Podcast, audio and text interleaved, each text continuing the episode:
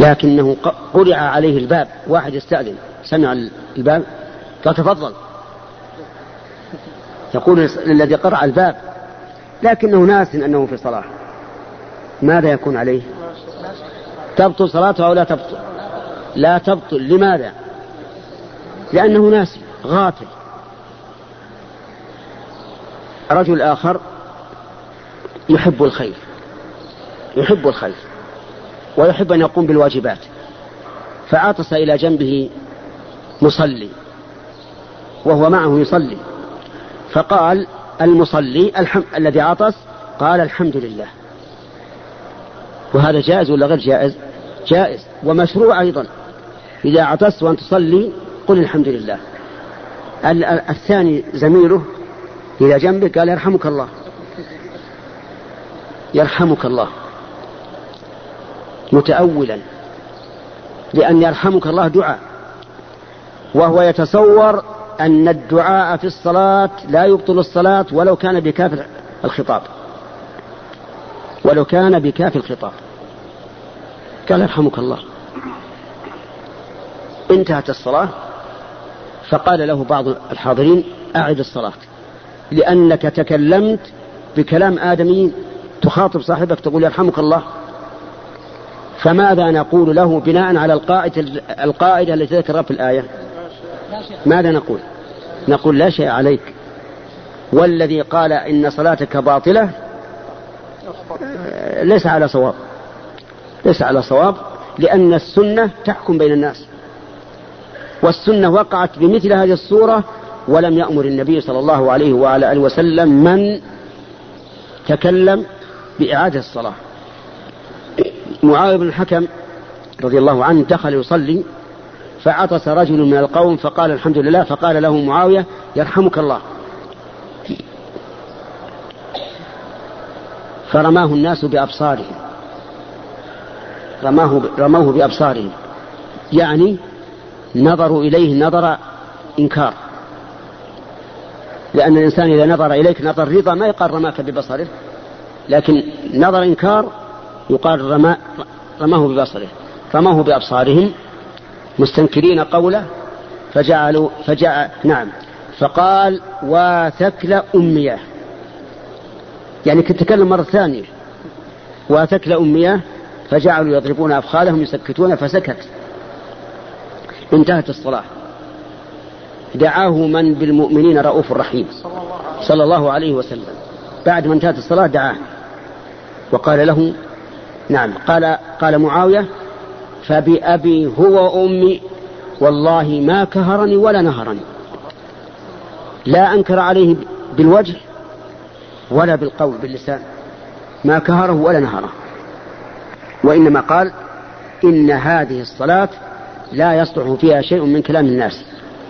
إنما هي التسبيح والتكبير وقراءة القرآن أو كما قال. ولم يأمره بالإعادة. وهذا دين على إيش؟ على أن من فعل محظورا جاهلا إيش؟ فليس عليه شيء. طيب. في حديث أبي هريرة الثابت في الصحيح من نسي وهو صائم فأكل أو شرب فليتم صومه فإنما أطعمه الله وسقاه. هذا إنسان نسي أنه صائم فمر على البرادة فشرب لأنه عطشان. ونسي أن يكون صائما. ماذا نقول له؟ لا شيء عليه؟ طيب. رجل آخر معه عنقود عنب. فجعل يأكل من العنقود ناسيا أنه صائم. فلما بقي حبة وحده ذكر أنه صائم. فقال سآكل هذه الحبة. إن كان العنقود الأول لا يفطرني فالحبة هذه ما تفطرني. وإن كان يفطرني فقد انتهى الموضوع. آه ماذا تقولون في هذا؟ أفطر بالأول بالحبة الأخيرة لأنه كان الواجب عليه أن يتوقف ويسأل. ربما يقول قائل هذا أكل الحبة جاهلا لكن يقول هو مفرط. مفرط الواجب عليه أن يسأل. لأنه الآن هو جاهل أن أن الإنسان يفطر لكن يجب أن يسأل ويتوقف. طيب رجل رجل احتجم وهو صائم يظن أن الحجامة لا تفطر أيفسد صومه؟ لا لأنه لأنه جاهل رجل أفطر يظن أن الشمس قد غربت ثم تبين أنها لم تغرب فهل يفسد صومه؟ لا طيب. آه، رجل أكل بعد طلوع الفجر. يظن أن قوله تعالى حتى يتبين لكم الخيط الأبيض من الخيط الأسود من الفجر أن المراد به الخيوط الحبال. وجعل يأكل ويشرب حتى تبين الحبل الأسود من الحبل الأبيض. أيفسد صومه؟ الجواب هش شوي. لا يفسد. لماذا؟ لأنه كان جاهلا. وقد وقعت هاتان القصتان في عهد الرسول عليه الصلاة والسلام. أما الأولى فعن أسماء بنت أبي بكر رضي الله عنهما قالت أفطرنا في عهد النبي صلى الله عليه وعلى آله وسلم في يوم غيم ثم طلعت الشمس. ولم يأمرهم النبي صلى الله عليه وسلم بالقضاء. ولو كان القضاء واجبا إيش؟ لأمرهم به لوجوب الإبلاغ عليه. فلما لم يأمر به علم أنه ليس بواجب وهو داخل في القاعدة ربنا لا تؤاخذنا إن نسينا وأخطأنا. طيب. أما الثاني فعدي بن حاتم رضي الله عنه. كان يريد أن يصوم. وفي الآية كلوا واشربوا إيش؟ حتى يتبين لكم الخيط الأبيض من الخيط الأسود من الفجر. فجعل تحت وسادته حبلان عقالان فجعل تحت وسادته أنا أخطأت في النحو. فجعل تحت وسادته عقالين أحدهما أسود والثاني أبيض وجعل يأكل وينظر إلى العقالين. فلما تبين الأبيض من الأسود توقف فأخبر بذلك النبي صلى الله عليه وعلى آله وسلم ولم يأمره ما أمره بالإعادة لماذا؟ لأنه كان جاهلا متأولا يظن أن هذا هو معنى الآية. فلهذا عفى عنه النبي عليه الصلاة والسلام. طيب آه رجل محرم بالحج محرم بالحج. وفي ليلة ليلة العيد وهي ليلة مزدلفة بعد أن رجع من عرفة كانت معه زوجته فجامعها جامع الزوجة. يظن أن الحج قد انتهى. مستدلا بقول النبي صلى الله عليه وسلم الحج عرفة. فقال عرفة انتهينا منها والحمد لله. إذا يجوز أن يجامع زوجته فجامعها. وهذا الجماع وقع. الأخ لا تبعد بركة قبل التحلل الأول ولا بعده؟ بعد التحلل الأول. قبله ولا بعده؟ قبله. في ليلة العيد. قبل التحلل الأول؟ متأكد؟ طيب اسمع. الجماع قبل التحلل الأول يفسد النسك. يعني معناها الحج فسد. لأن الجماع قبل التحلل الأول مع العمد والذكر يترتب عليه خمسة أمور. الإثم والمضي في, في النسك الذي فسد وفساد النسك والمضي فيه والقضاء من العام القادم وفدية وهي بدنة. لكن هذا الرجل جاهل فجاء يسألنا ماذا نقول له؟ إيش نقول الحج صحيح ولا شيء عليك لأنك جاهل. والرب عز وجل لما دعا المؤمنون ربنا لا تؤاخذنا إن نسينا وأخطأنا قال الله قد فعلت. المهم يا إخواني خذوا هذه القاعدة معكم. في الأوامر الأخ قم. هنا وانت.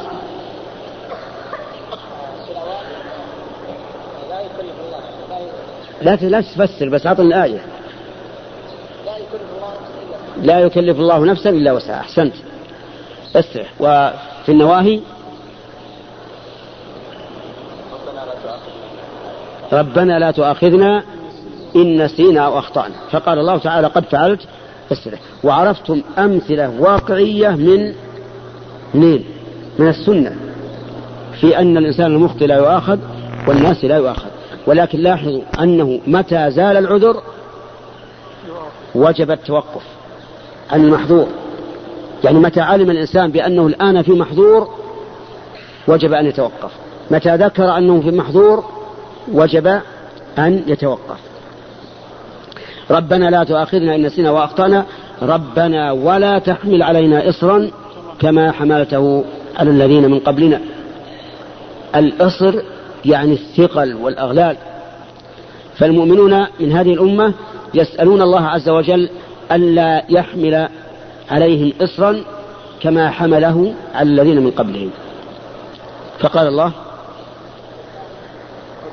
قد فعلت بقوله تعالى في وصف الرسول عليه الصلاة والسلام ويضع عنهم إصرهم إيش؟ والأغلال التي كانت عليهم. فالله تعالى وضع الإصر والأغلال التي كانت على من سبقنا بهذا الرسول الكريم صلوات الله وسلامه عليه. ونضرب لكم مثلا. بنو إسرائيل لما عبدوا العجل ماذا ألزموا به لتصح توبتهم؟ تجيب أنت؟ من يجيب؟ تفضل. أحسنت. قيل لهم لا توبة لكم إلا أن تقتلوا أنفسهم أنفسكم. وهذا إصر ولا وغل ولا لا؟ نعم. إصر عظيم. توبتنا نحن ولله الحمد بيننا وبين الله. إذا تاب الإنسان إلى ربه وتمت شروط التوبة الخمسة والتي أمليناها عليكم سابقا فإنها تقبل. والخمسة يقولها واحد منكم بالإجاز بعد الصلاة إن شاء الله بعد الأذان بعد الأذان.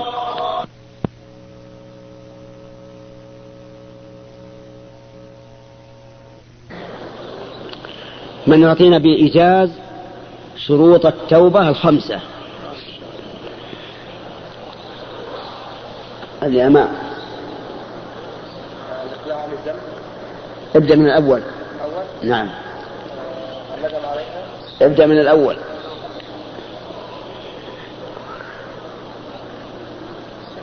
استريح تفضل إيش النية على التوبة؟ وش معناه؟ ربما إنك تريد الذي في قلبي لكن وش معناه عندك؟ استرح استرح نعم. الإخلاص أحسنت. هذا واحد. يعني بأن لا يحمل الإنسان على التوبة مراعاة الناس أو الرفع عندهم أو الجاه أو ما أشبه ذلك. ثاني.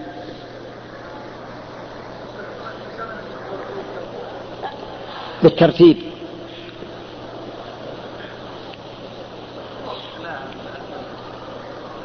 قبله شيء. الله ما ادري اسمه الندم. الندم على فعل المعصية. طيب أحسنت ثالث. إيش؟ الإقلاع عن الذنب. بارك الله فيك. نعم. إيش؟ العزم على أن لا يعود. ما هو عدم الرجوع. مشكل لو قلنا عدم الرجوع معناه لو رجع إليه. أصبر يا أخي مناقشة لا لو رجع إليه مرة ثانية لبطلت الأولى. أليس كذلك؟ لكن إذا قلنا العزم أن لا يعود. ولا نقول أن لا يعود. نقول العزم على أن لا يعود. لأنه إذا عزم على أن لا يعود ثم سولت له نفسه بعد ذلك أن يعود فالتوبة الأولى صحيحة. استرح باقي واحد. تفضل. إيش؟ لا يا أخي رد المظالم من الإقلاع. تفضل. ها؟ صحيح. أن أصبر. آه، أن تكون في وقت التوبة. وما هو وقت التوبة؟ بالنسبة لكل واحد على انفراد. ها؟ قبل حضور الأجل. الدليل؟ ما هو الدليل؟ ما يخالف. استرح.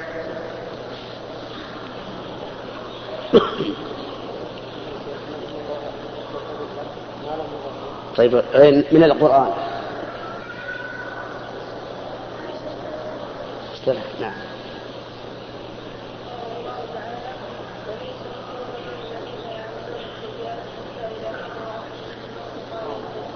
أحسنت. بارك الله فيك. قال الله تعالى وليست التوبة للذين يعملون السيئات وليست التوبة فيها على الله.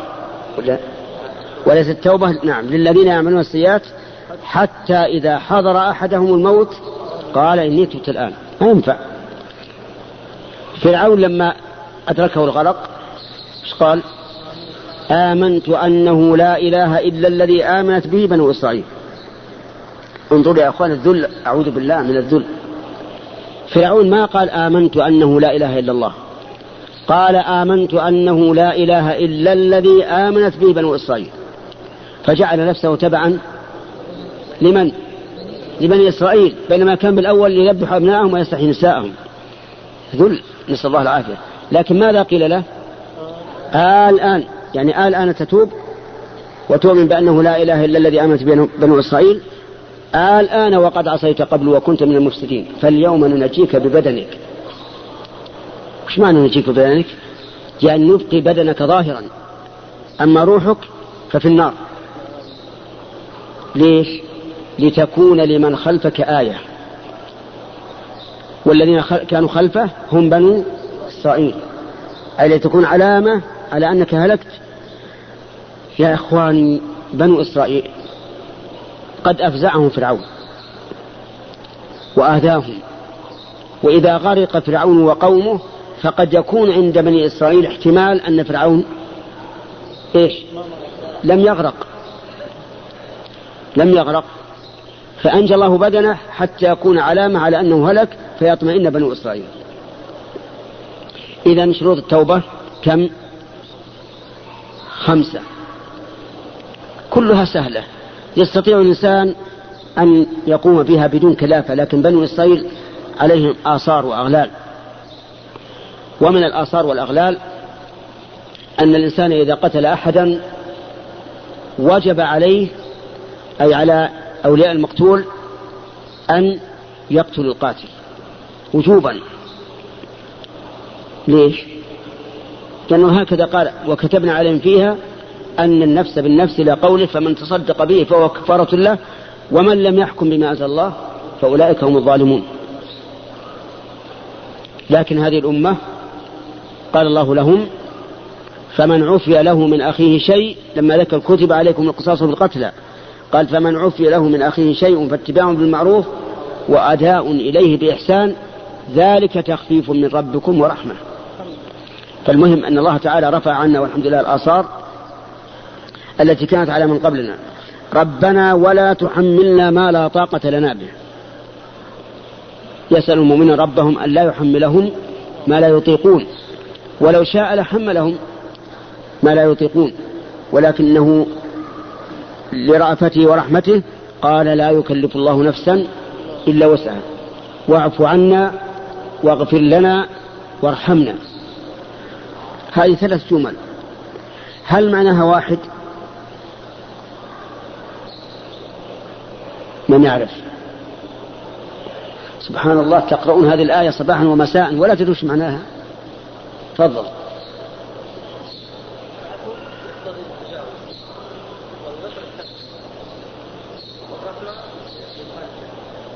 طيب. العفو في مقابل التفريط في الواجبات. والمغفرة في مقابل المعاصي وانتهاك المحرمات. والرحمة هي إزالة أثر هذه الذنوب أو الإخلال بالواجبات. أفهمتم؟ العفو في مقابل إيش؟ التقصير في الواجب. المغفرة في مقابل فعل المعصية. الرحمة إزالة الأثر. بحيث يكون الإنسان كأنه لم يكن منه تفريط في واجب ولا انتهاك لمحرم. والأصل يا إخواني الأصل في الكلمات التباين في المعنى أو الترادف.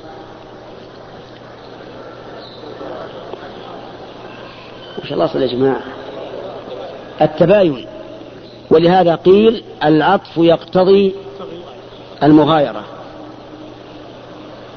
فإذا وجدت كلمتين وظننت أن معناهما واحد فلا تظن هكذا. نعم يأتي أحيانا عطف المرادف على مرادفه مثل قول الشاعر فألفى قولها كذبا ومينا. المين هو هو الكذب. واعف عنا واغفر لنا وارحمنا. أنت مولانا أنت مولانا أي ولي أمرنا ومدبرنا وناصرنا فانصرنا على القوم الكافرين. هذا من باب التوسل بأي شيء؟ بالصفة. لأن الله مولى المؤمنين. كما قال تعالى فاعلموا أن الله مولاكم نعم المولى ونعم النصير. تتوسل إلى الله تعالى بكونه مولانا أن ينصرنا على القوم الكافرين. هل القوم الكافرون منفصلون عنك؟ أو متصلون بك. يعني هل الكافر واحد آخر ثاني ولا شيء متصل بك؟ طيب. آه إذا قابلنا الكفار فإن نسأل الله أن ينصرنا عليهم وهذا واضح. لكن هناك كافر يجري منك مجرى الدم. من؟ الشيطان. الشيطان يجري من ابن آدم مجرى الدم كما قال النبي عليه الصلاة والسلام ذلك والشيطان كافر. فتسأل الله أن ينصرك عليه بحيث لا تنخدع بغروره. الذي حذرك الله منه في قوله فلا تغرنكم الحياة الدنيا ولا يغرنكم بالله الغرور. أما كفار بني آدم فظاهر. وإننا في هذه المناسبة ندعو الله سبحانه وتعالى فنقول اللهم إنا نسألك بأن نشهد أنك أنت الله لا إله إلا أنت الأحد الصمد. يا ذا الجلال والإكرام يا حي يا قيوم يا منان يا بديع السماوات والأرض. نسألك اللهم أن تنصر إخواننا المسلمين في البوسنة والهرسك على أعدائك وأعدائهم من الصلب الكافرين ونسألك اللهم أن تنصر إخواننا في الشام على أعدائك وأعدائهم من الشيوعيين الملحدين. ونسألك اللهم أن تنصر إخواننا في كشمير على أعدائهم الوثنيين ونسألك اللهم أن تنصر المسلمين في كل مكان على أعدائهم. ونسألك اللهم أن تؤلف بين قلوب المسلمين وأن تجمع كلمتهم على الحق وأن تهيئ لهم ولاة صالحين يقودونهم بكتابك وسنة نبيك محمد صلى الله عليه وسلم. ونسألك اللهم أن تؤلف بين قلوب شعوبنا شبابها وشيوخها وكهولها وذكورها وإناثها. حتى لا تتمزق وتتفرق. نسألك اللهم ذلك يا رب العالمين. ونختم هذا اللقاء بهذه الدعوة. سبحان الله وبحمده سبحان الله العظيم. فإن هاتين الكلمتين قال فيهما رسول الله صلى الله عليه وسلم كلمتان خفيفتان على اللسان ثقيلتان في الميزان. حبيبتان إلى الرحمن. سبحان الله وبحمده سبحان الله العظيم. جدير بهاتين الكلمتين أن يقولهما الإنسان دائما. ما لم تشغل عن واجب. فلهذا أحث نفسي وإياكم على الإكثار من هاتين الكلمتين. سبحان الله وبحمده سبحان الله العظيم. هما على اللسان إيش؟ خفيفتان جدا. هما في الميزان ثقيلتان وحبيبتان إلى الرحمن.